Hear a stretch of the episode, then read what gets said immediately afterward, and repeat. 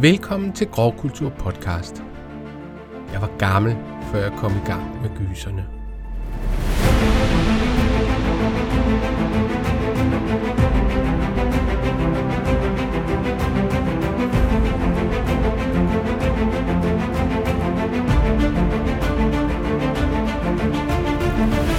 Det var fordi, jeg var en meget frygtsom barn, der især var bange for spøgelser, men også monstre, vampyrer, kæmpe gorillaer og zombies. Der var bare det, at jeg var vanvittigt fascineret af gysere, for jeg elskede det fantasy-element, der ofte er i dem. Da jeg blev 14 år, tror jeg, at jeg havde set tre meget uhyggelige film. Ikke flere. Den første så jeg, da jeg var omkring 10 år. Den hed Det lille genfærd, The Intercessor.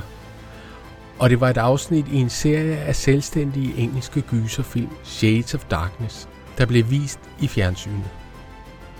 Jeg så den ved et slags uheld, og jeg tror ikke, at jeg sov i min egen seng i mindst to uger. Det uhyggelige var spøgelset af en lille pige, der kom om natten og lagde sig i sengen hos hovedpersonen. Jeg glemmer det aldrig. Og det var et tilbagevendende mareridt indtil 20 år senere, hvor jeg fik unger, og derfor ret ofte var ude for børn, der kom rendende om natten. Så var den slags pludselig ikke nær så uhyggeligt længere. Den anden film var John Carpenters Tone, The Fog, som jeg så i ungdomsklubben, projekteret på en væg.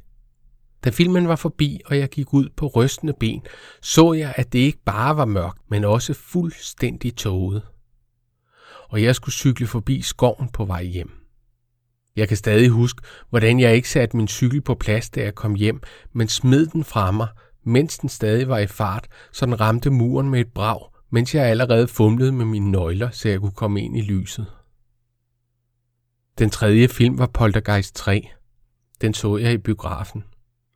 Bagefter brugte jeg hele vejen hjem på at fortælle min fætter, som var ham, der havde slæbt mig med, hvor bange jeg var blevet for Kane.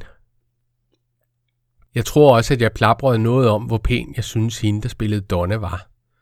Det var Lara Flynn Boyle, som et par år senere spillede en anden Donna i Twin Peaks.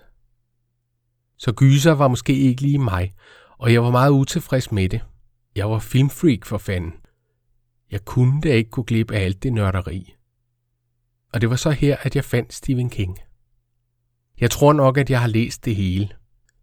Måske er det, fordi jeg opdagede det som teenager. Måske rammer det mig bare ekstra meget. Under alle omstændigheder vil jeg gerne undersøge det. Derfor handler denne gang om Kings første bog, eller i hvert fald den første, han fik udgivet. Carrie.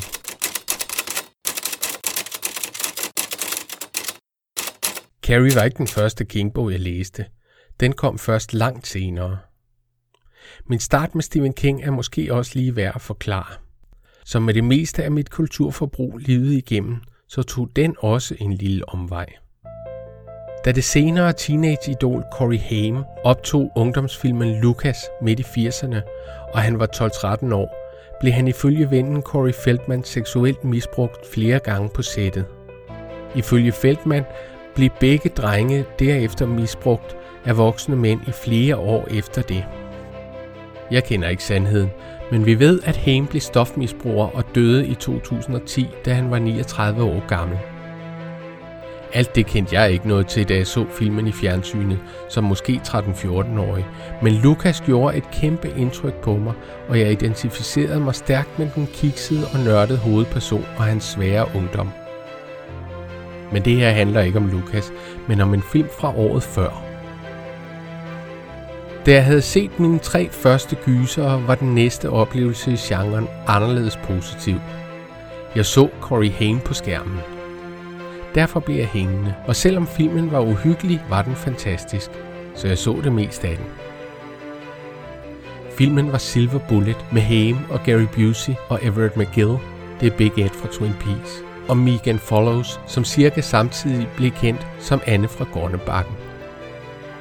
Den hed Varulvenetter på dansk, og det var også det, den handlede om. Filmen var fyldt med spænding, men også varme og sammenhold. Jeg var meget glad for den. Ikke længe efter så jeg bogen. Hvis man er gammel ligesom jeg, og man kan huske de aflange og farverige kuponhæfter, som man altid fik med posten i 80'erne, vil man vide, hvad jeg taler om. Det var her, man kunne købe abonnement på juletallerkener og VHS-film. Man kunne købe en masse pyntegenstande og samlerobjekter og ønsker hos en klærvoyant og make-up og rips for her pleasure. Alt sammen ved at udfylde kuponer og sende dem ind. Alle vidste, at det ikke var særlig nemt at opsige abonnementerne, men mange brugte dem alligevel. Der var også bogklubber, og det var her, jeg så bogen. Vareulvenetter var en af to billige bøger, man kunne få, hvis man meldte sig ind, og det gjorde jeg. Da bogen kom, gik jeg straks i gang og blev meget skuffet, da jeg opdagede, at det ikke var den samme historie. Bogen var okay, og det var en slags gys, men det var altså ikke Whitley Strieber, der havde skrevet historien bag filmen. Måske den bare var opfundet til lejligheden. Min farmor holdt se og hør, og selvom vi kun havde DR hjemme hos os, læste jeg alligevel beskrivelserne af ugens film på alle kanalerne. Jeg var jo trods alt nørd. Derfor så jeg pludselig et billede af Corey Haim i sin kørestol. Titlen var Ulvenetter og endelig navnet Stephen King. It began in May. And every month after that, whenever the moon was full, it happened again. Jeg kunne af en eller anden grund ikke finde ham på biblioteket, og da jeg endelig tog mig sammen til at spørge om varulvenetter af denne Stephen King, så kunne de ikke finde den. Udover den af Whitley Strieber selvfølgelig. Øv. Så så jeg pludselig en dag Stephen Kings navn på en bog hos boghandleren, og det må have været et af de sjældne tidspunkter, hvor jeg havde penge, for jeg købte den. Måske det i virkeligheden var min mor, der forbarmede sig over mig, og hvad der uden tvivl skulle forestille dottyhøjne. Så den første Stephen King-bog, jeg læste, var altså Ondskabens Hotel, med en mand, der lignede, men ikke var, Jack Nicholson på forsiden. Jeg var hugt fra første side. Senere fandt jeg i øvrigt ud af, at bogen bag filmen Varulvenetter hed Varulvens År. Carrie var måske den femte eller sjette bog af Stephen King, jeg læste. Jeg mener at kunne huske, at jeg læste den parallelt med, at jeg fulgte med i Twin Peaks i fjernsynet, så det må have været i starten af 90'erne. Jeg ved, at jeg havde lånt den på biblioteket, og den havde en sort forside med omridset af en piges ansigt i orange. Pigen havde grønne katteøjne. Nu spoiler jeg jo nok noget af bogen, så hvis du helst ikke vil høre det, så er det jo nok tid til at slukke. Som rigtig mange af Stephen Kings bøger foregår Carrie i Maine. Carrie White bor i byen Chamberlain. Hun er 16 år gammel, tyk og meget upopulær. Hun er blevet nådesløst mobbet hele sin skolegang og mishandlet af sin fundamentalistisk religiøse og enlige mor. Romanen starter med, at Carrie har sin første menstruation, mens hun er i bad efter en gymnastiktime. Carrie ved ikke, hvorfor hun bløder, og de andre piger, ledet af den smukke, forkælede rimandsdatter Chris Harkinson, råber af hende og smider tamponer efter hende, mens hun bliver mere og mere hysterisk. Den nyuddannede lærer, Rita Desjardins, kommer ind og smider pigerne ud. Hun slår Carrie på kinden for at få hende til at falde til ro. Da hun finder ud af, at Carrie ikke har haft menstruation før, og at hun heller aldrig har hørt om det, tager hun pigen med på kontoret. Viceinspektøren går med til at sende Carrie hjem. Inden hun går, ser hun på et askebær, som falder på gulvet. På vej hjem møder Carrie en lille dreng på en cykel, som råber efter hende. Hun tænker, at hun gerne vil have, at han falder, og det gør han. Hun bliver pludselig mere opmærksom på, at hun måske kan kontrollere ting. Carries mor, som er stor og stærk og går i sort tøj, fortæller Carrie, at menstruation er Guds straf for at være syndig. Hun smider Carrie ind i et skab, hvor hun skal bede. Det har hun ofte gjort, siden Carrie var helt lille. Næste dag skælder Desjardin pigerne ud. Hun fortæller dem, at hvis det var op til hende, ville hun have forbudt dem alle sammen at komme med til skoleballet. Men det er blevet bestemt, at de skal sidde over hele ugen i stedet for. Til gengæld skal de sidde over med Desjardin, som jo er gymnastiklærer, så hun advarer dem om, at det bliver hårdt. Chris nægter og råber af læreren, som slår hende. Ingen af de andre piger støtter op om Chris' opgør. Pigen Sue føler, at de fortjener straffen. Hun har dårlig samvittighed. Nu bliver Chris forbudt at være med til ballet. Chris' far som advokat kommer til skolen for at true viceinspektøren til at fyre Desjardin og lade hans datter være med til ballet. Det nægter han, og Chris' far giver op. Sue overtaler sin kæreste, den populære og dygtige dreng Tommy, til at invitere Carrie til ballet, fordi hun har dårlig samvittighed. Det gør han, og selvom hun er mistroisk og først siger nej, skifter hun mening. Chris overtaler samtidig sin kæreste, ballademageren Billy, til at hjælpe hende med at få hævn. De dræber nogle grise og tager to spande af deres blod med til salen, hvor ballet skal foregå. Her hejser de spandene op over scenen, hvor det par, der kors, som ballets konge og dronning skal sidde på en trone. Chris overtaler sine venner til at hjælpe hende med at snyde, så de kan sikre sig, at Carrie og Tommy vinder. Carries mor forsøger at forhindre hende i at tage med til ballet, men Carrie er blevet bedre til at styre sine telekinesiske kræfter, og hun lukker sin mor inde, mens hun syr en kjole. Tommy kommer og henter hende, og de tager afsted til ballet. Tommy føler sig meget tiltrukket af Carrie, og efter nogle tid med hans venner danser de. De kåres til kongen og dronning og går op på scenen, hvor under Chris og Billy gemmer sig. De trækker i nogle reb, og spandene med griseblod falder ned i hovedet på Carrie og hendes date. Tomme bliver ramt af en spand og dør senere. Flere i salen griner ved synet af Carrie, der er blevet helt rød af blodet, og Tommy, der faldt. Carries sind flyder over, og hun bliver gal. Hun begynder at slå både børn og lærere ihjel ved hjælp af sine kræfter. Hun dræber de fleste og brænder salen ned. Carrie går hen på den bar, hvor hun har fundet ud af, at hun blev undfanget, og der møder hun Chris og Billy. De forsøger at køre hende ned, men hun tager kontrol over bilen og dræber dem. Carrie går hjem gennem byen for at komme ansigt til ansigt med sin mor. Moren, som nu anser Carrie for at være en heks, står klar til at dræbe hende med en kniv. Det lykkedes for hende at stikke Carrie, men hun stopper sin mors hjerte med sindet. Hun går videre, og Sue, som har mærket Carries tanker, finder hende. Carrie læser Sues tanker og opdager, at hun og Tommy ikke har haft i sinde at skade hende. Carrie dør i Sues arme. En kommission nedsættes for at udrede, hvad der skete i byen Chamberlain den nat. Carrie var faktisk Stephen Kings fjerde roman. De første tre, Amok, Den lange vandring og Blaze, blev udgivet senere. King var lærer og havde allerede fået udgivet flere noveller, især i mandebladet. Han og hans kone Tabitha var ret fattige. Han skrev starten af historien på Tabithas skrivemaskine på et børnebord balancerende på benene. Han smed de første sider ud. Han var usikker om at skrive om piger, og brød sig ikke så meget om figuren Carrie. Han kom i øvrigt aldrig rigtig til at synes om hende. Hun var baseret på to upopulære piger fra Kings egen skoletid, som begge var døde, da han skrev bogen. Tabitha reddede siderne og bad ham om at skrive videre. Det gjorde han, og Carrie blev en for Stephen King ukarakteristisk tynd bog. Bogen blev udgivet og blev en stor succes. Stephen King købte sin kone en hårtørrer, fordi han ikke lige vidste, hvad han ellers skulle gøre, da han solgte paperback-rettighederne for mange penge. Jeg brød mig ikke så meget om Carrie første gang jeg læste den. Den var anderledes end de andre kængbøger, synes jeg.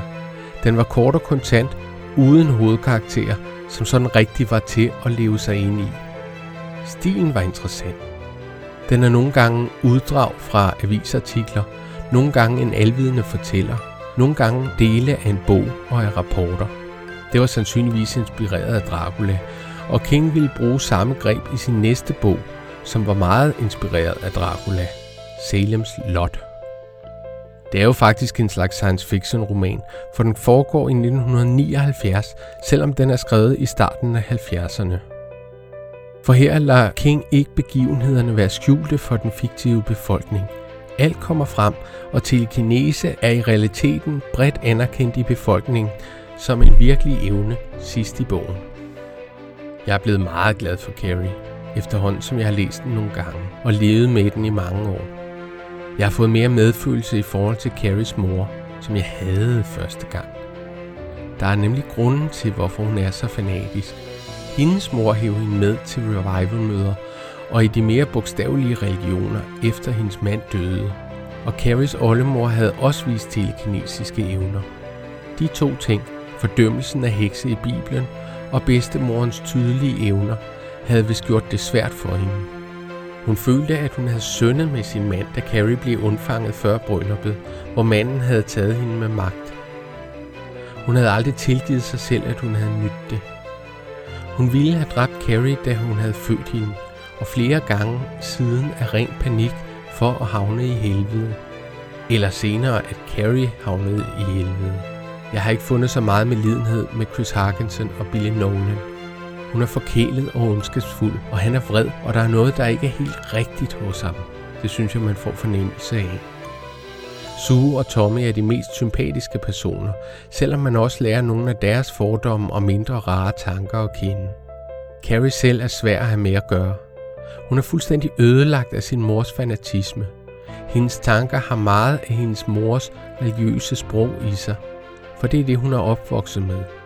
Hun overspiser og får så bumser. Den måde, hun stadig rækker ud i verden efter et liv på, er meget beundringsværdigt, synes jeg. Da hun danser med Tommy, og han bliver forelsket i hende, fornemmer man, at det er Carries egne følelser, som han fanger og bliver påvirket af. Hendes voldsomme reaktion til sidst virker som om den er berettiget af det pres, hun har været under. Det er som om hun ikke selv kan styre det. Carrie er en fantastisk roman om magten i vores sind og om mobning og nedgørelse. Den handler også om den magt, hvormed man kan se den kvindelige seksualitet. Carrie kan ikke bruge sin seksuelle magt, da hun holdes nede og holdes tilbage i barndommen af sin mor. Og også holdes nede af klassekammeraterne. Derfor vælger hun til sidst at gøre sig gældende med sin mentale kraft. Hun beskriver brugen af den som at flekse som en muskel. Jeg elsker Carrie, og det er helt sikkert ikke sidste gang, jeg læser den. Allerede to år efter udgivelsen udkom Brian De Palmas filmatisering. Brian De Palma var på mange måder den ideelle til at instruere den. Der havde blandt andre været tale om at hyre Roman Polanski eller Ken Russell, og jeg er sikker på, at hver af dem kunne have skabt noget fantastisk. Men jeg er nu glad for, at vi fik De Palmas version. The girl who lives in that creepy house with her crazy mother. See the sin of her days and ways. Show her that if she had remained sinless, the curse of blood would never have come on her. The girl with the strange power. If I concentrate hard enough, I can move things. But tonight, no one will laugh at Carrie. If you don't have a date for the prom next Friday, would you like to go with me? She's with the best looking boy in the senior class. He's trying to trick me again. She'll be voted queen of the prom. You know, I can make sure that you don't hurt Carrie White anymore. For Carrie, it will be a dream come true. For everyone else, it will be a nightmare. Carrie. A new film by Brian De Palma. Based on the chilling bestseller. Brian De Palma var blevet fanget af filmmediet efter at have set Hitchcocks Vertigo. Hans første film var ofte inspireret af de franske nybølgefilm, og han lavede virkelig gode og altid interessante spændingsfilm. Ser man tilbage på De Palmas Carrie nu, er det nemt at få øjen på filmens appel. Den er absolut stjernespækket, men bortset fra Piper Laurie, som spillede Carries mor, fik de alle sammen deres, eller i hvert fald et af deres gennembrud i den her film. Sissy Spacek spiller Carrie. Mere om det senere. Amy Irving er Sue. Nancy Allen spiller Chris. Pur unge John Travolta spiller ballademageren Billy et år før Saturday Night Fever og to år før Grease. Betty Buckley spiller læreren Mrs. Jardin, eller Miss Collins, som hun hedder i filmen. Og PJ Souls ser ret ikonisk ud i rød kasket i den mindre rolle som Norma Watson. Jeg ville faktisk gerne have set en Carrie, som så mere ud som i bogen. Tyk, bleg og med bumser. Der er noget interessant ved at undersøge især de følelser, der følger tykke mennesker. Nogle gange tror jeg, at fedt ses næsten som det modsatte af feminint. Det vil jeg gerne have set udnyttet i filmen. På den anden side, spinkle Sissy Spacek rammer det med femininiteten og blegheden meget godt i sin kantede krop og med sit næsten umenneskelige skuespil. Og bumser har aldrig fungeret godt på skærmen. Filmen starter på volleyballbanen, hvor en flok teenagepiger spiller. En pige misser bolden og bliver straks vanvittigt upopulær. De andre snærer af hende, og en smuk blondine, Chris Harkinson, opdager vi senere, vender sig om på vej forbi og siger, eat shit. Næste scene foregår i pigernes omklædningsrum, hvor pigerne klæder om og går i bad. Carrie opdager, at hun bløder, og ved ikke, at det er menstruation. Hun skriger og forsøger at råbe de andre piger op. De kaster tamponer og bind efter hende og råber, plug it up, plug it up. Det er en mærkelig start på filmen. Scenen i opklædningsrummet foregår i slow motion og med meget smuk musik, hvor vi stille glider fra venstre mod højre. Nogle piger er nøgne, og nogle er ved at tage tøj på. Det er nærmest en erotisk scene, men det er der en bagtank med. Der er meget damp i omklædningsrummet. Mere end hvad man nogensinde ville se i et realistisk omklædningsrum. Det er der også en bagtank med. De måtte pumpe damp ind på sættet med en stor slange, og der skulle stå en assistent ved siden af kameraet hele tiden og pege på linsen med en hårtør, så den ikke dukkede. Så begynder kameraet at bevæge sig fremad mellem pigerne ind i baderummet. Her står Carrie og bader. Hun har glemt alt omkring sig og nyder det varme vand. Der kommer blod, men hun ser det ikke. Da hun endelig opdager det, stoppes den langsomme fart pludselig, og musikken slutter også. Det er som om dampen forsvinder, og så starter skrigeriet. Det er en af de mest effektive indledninger af en film overhovedet. Musikken er af Pino Donaggio, fordi Bernard Herrmann døde lige inden de begyndte at filme. Donatios musik er perfekt, og når Carrie bruger sine kræfter, hugger de Bernard Herrmanns strygere fra badeforhængsscenen i Psycho. Det passer fint. Filmen følger bogens handling ret trofast. Hvor bogen havde artikler og tilbageblik, kører filmen bare lige ud. Alle, uden undtagelse, spiller godt. Brian De Palma leger med formen. Han bruger ikke kun slow motion. I en scene, hvor Tommy skal købe et jakkesæt til ballet, er farten sat op, så resultatet bliver komisk. Han kunne også lide, når der skete noget mere på skærmen. Derfor brugte han split screen teknikken, så man fulgte to kameraer på én gang. Den havde han eksperimenteret med siden dokumentaren Der er Nices in 96. I Carrie blev det dog kun brugt i dele af massakrescenen til sidst. Til gengæld benytter han sig af en anden teknik flere gange, hvor der er fokus på det, der sker i forgrunden og det, der sker i baggrunden samtidig, og det fungerer virkelig godt. Nogle ting er anderledes fra i bogen. Jeg vil gerne sætte fokus på én bestemt ting. De Palma tager Stephen Kings temaer om at være anderledes, kvinders samvittighed og kvinders seksuelle magt og forstærker den sidste. Det handler virkelig om kvindelig seksualitet og magt, og Carries mangel på sammen. Badescenen i starten kan ses som en lettere satirisk idé om en sensuel scene med smukke, nøgne og halvnøgne unge badenymfer, der tiltrækker øjet. Da vi bevæger os ind på Carrie, er det samtidig en erotisk og nærmest lyrisk badescene, men vi ser samtidig Carrie med meget beskidende kvindelige former. Det er måske som om hun mangler noget af den kvindelighed, som hendes jævnaldrende har. Hun er stadig sin mors jomfru og lille pige. Hendes menstruation signalerer en overgang til kvinde, men hun er uvidende om det, så hun angribes af de andre piger.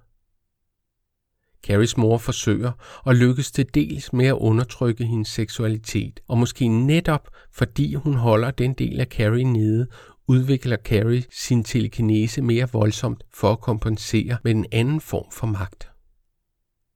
Carries mor har selv, fordi det er Piper Laurie, masser af seksuel energi. I stedet for den store, muskuløse kvinde i bogen, udstråler Laurie langt mere passion i filmen. Der er noget orgasmisk i hendes religiøse udbrud. Jeg fik også fornemmelsen, at Sue, som ikke taler til sin kæreste Tommy, før han giver sig og inviterer Carrie til ballet, måske holder mere tilbage for ham end bare det verbale. seksuel magt igen. Mændene i filmen er næsten alle sammen handlingslammede og forvirrede ved kvinderne. Skolens viceinspektør er tydeligt ubehageligt stemt, da han ser Carries blod på Miss Collins shorts. Hun virker nærmest som den voksne af de to. Endelig er det giftige forhold mellem Chris og Billy, John Travolta, væsentligt anderledes. I bogen er Billy en typisk Stephen King-skurk. En decideret psykopatisk ung mand, der ikke lader sig tryne af nogen. Han er ondskabsfuld og snedig. I filmen er Billy lidt mere en dum figur, der kæmper med sin selvtillid. Chris leger konstant med ham ved at bruge den betydelige seksuelle magt, hun har over ham. Hun lægger op til ham, og så kalder hun ham dum. Han slår hende, og hun lægger op til ham igen. Og sådan fortsætter de, indtil han er fuldstændig rundt på gulvet og forvirret. Og så giver hun ham, hvad han gerne vil have, og hun får ham til at give hende, hvad hun er ude efter. Hævn over Carrie. I bogen er hun bange for ham og giver efter for hans seksuelle tilnærmelser, fordi hun er sikker på, at hvis hun ikke gør det, tager han bare, hvad han vil have alligevel. Der var i øvrigt planlagt en scene i filmen, som ikke kom med. Her hentydes det, at Chris har et endnu mere forskruet forhold end det med Billy. Hun virker nemlig også til at have betydelig seksuel magt over sin far, den hensynsløse advokat og en mor, der er jaloux og ulykkelig. Så vidt jeg kan se, er det derfor det største tema i filmen. Den kønslige magt kvinder har over mænd og hinanden, eller ikke har, og hvordan de vælger at bruge den. Piper Laurie stjæler til tider filmen. Hun er så flamboyant, camp og over the top, at man kan blive helt hypnotiseret. Men ellers er det Sissy Spacek, der giver den største optræden. Hun var method actor, og altså ikke den irriterende Jim Carrey-type, men meget mere seriøst. Hun fortjener den Oscar-nominering, hun fik. Papa Laurie fortjener også sin. Slutningen af filmen, altså ballet og konfrontationen mellem Carrie og hendes mor, er filmens højdepunkt. Carrie er så smuk til ballet, og i kontrast er scenen, hvor hun har fået griseblod ned over sig og slår ihjel, så voldsom, at den rammer meget dybt. Det er tydeligt, at Carrie ikke længere har magt over sig selv. Drabet på moren er også meget mere voldeligt end i bogen. Der er en scene til allersidst, som helt er opfundet af filmskaberne, men den vil jeg ikke fortælle om. Se nu bare filmen. Det er min mening, at Carrie havde fortjent en Oscar for bedste film i 1977, hvor Stallones Rocky vandt.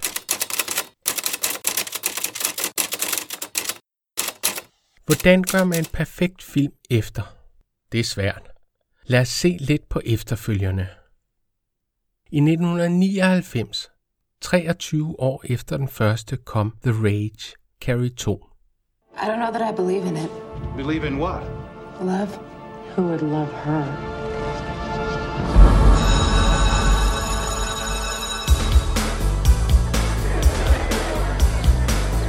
At your age, it's perfectly normal to be afraid of turning out like your parents. Is that scary for you? All your life, you've known that you were different. Must be nice not having to be like everybody else. Sometimes I really wish I could just be one of the shiny, happy people, you know? Der er egentlig ikke så meget at sige om den. Den eneste tilbageværende person er Sue, som igen spilles af Amy Irving. Hun arbejder på en skole, hvor en anden pige med telekinesiske evner går. Jeg har næsten lige igen set filmen, og den er vanvittig meget en 90'er ungdomsfilm. Både musikken og handlingen stammer tydeligt fra det årti, og jeg genkendte skuespillere fra American Beauty, fra Aerosmith-videoer, fra en NYPD Blues, fra 10 tommelfingre, fra Mælkevejen første til højre, og indtil flere fra American Pie. Den handler om en gruppe bro-typer på en amerikansk high school, der bruger piger og smider dem væk. Altså en klassisk historie, og det skulle vise sig også en klassisk hævnhistorie. Den strider lidt i flere retninger. Historien tager sig selv meget alvorligt, og så er der alligevel gyserhenvisninger, som når sindssygehospitalet hedder Arkham, som hos Lovecraft, eller måske Batman, eller når Jesse studerer på King's University. Det trækker altså mig ud af historien hver gang, når det er meningen, den skal være så alvorlig. Det er en okay film, og man spilder ikke sin tid ved at se den, men den er svær at sammenligne med den originale, og når den henviser tilbage, bliver det søgt og anstrengende. For eksempel når man lærer, hvem hovedpersonens far er. Det er Kat Shea, der startede med exploitation-film, der har instrueret. Da jeg så genindspillingen af Carrie fra 2002, blev jeg meget overrasket. Det er en made-for-tv-film, så jeg forventede mig ikke så meget af den. Det kunne jeg godt have gjort. Filmen leverer varen, og den er lang og super effektiv. Up until half an hour ago, Carrie White thought her first period was homeroom.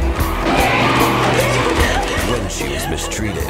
You should have told me, Mama. The girls all make fun of me. Did she just fade away? Shouldn't people like that be homeschooled? You know, creepy religious people. We're very sorry about all this, Cassie. It's Carrie. You want me to take Carrie White to the prom? Carrie, based on a Stephen King masterpiece. See, some people are having trouble believing that you had your boyfriend take Carrie White to the prom out of the kindness of your heart. På trods af de begrænsninger, der hører til tv-film, sprogregler, redigering, der skal tage hensyn til reklamepauser og budgetbegrænsninger, formår den erfarne tv-instruktør David Carson at lave den mest trofaste indspilning af bogen, bortset fra slutningen altså, og på samme tid en dygtig genindspilning af den originale film fra 1977. Her ser man ikke alle klichéerne fra ungdomsfilm på det tidspunkt, som i Carrie 2 fra tre år før. Der var planer om at starte en tv-serie baseret på filmen, hvor Carrie måske rejste rundt og hjalp folk med overnaturlige evner. Filmen var ingen succes, så projektet blev droppet.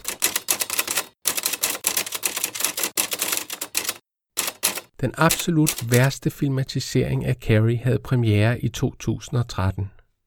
Filmen var den dyreste af dem alle, men den lider af flere moderne filmsygdomme. På en måde minder den mest om Carrie 2, som indeholdt alle klichéerne fra 90'erne. Denne film havde alle klichéerne fra 2010'erne. Father's mercy from his lighthouse evermore. But to us he gives the keeping of the lights Pick you up after school. The other kids, they think I'm weird. Carrie, favorite poem? Did you bring one? I don't want to be. I want to be normal. Wipe that smile off your face. I have to try and be a whole person before it's too late. Der er ingen seksuelle spændinger, undertrykte eller ej. Carrie, spillet af Chloe Grace Moretz, ligner en teenage-model lige fra starten. Det er glat, det her. Blodet, som falder på Carrie, er stiliseret og designet, så det præcis dækker hendes ene øje. Det ser meget kunstigt ud. Carrie læser på nettet og i bøger om overnaturlige evner, og hun smiler underfundigt og viser, at hun føler sig empowered af, hvad hun læser. Det er ikke til at holde ud. De skøjter hen over overfladen og kommer ikke en centimeter under. Hvor Carrie i 77 var i chok til sidst og slog ud i desperation, og Carrie i 99 søgte hævn. Og Carrie i 2002 gik fuldstændig i trance, er Carrie i 2013 fuldstændig bevidst.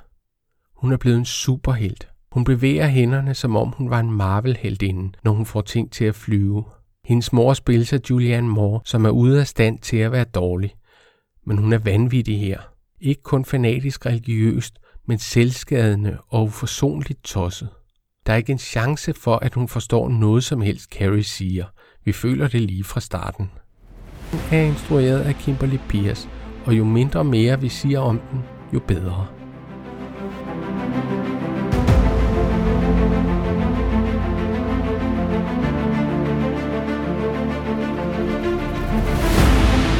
Elsker Carrie, både bogen og den originale film, og hele ideen. Det er der mange, der gør.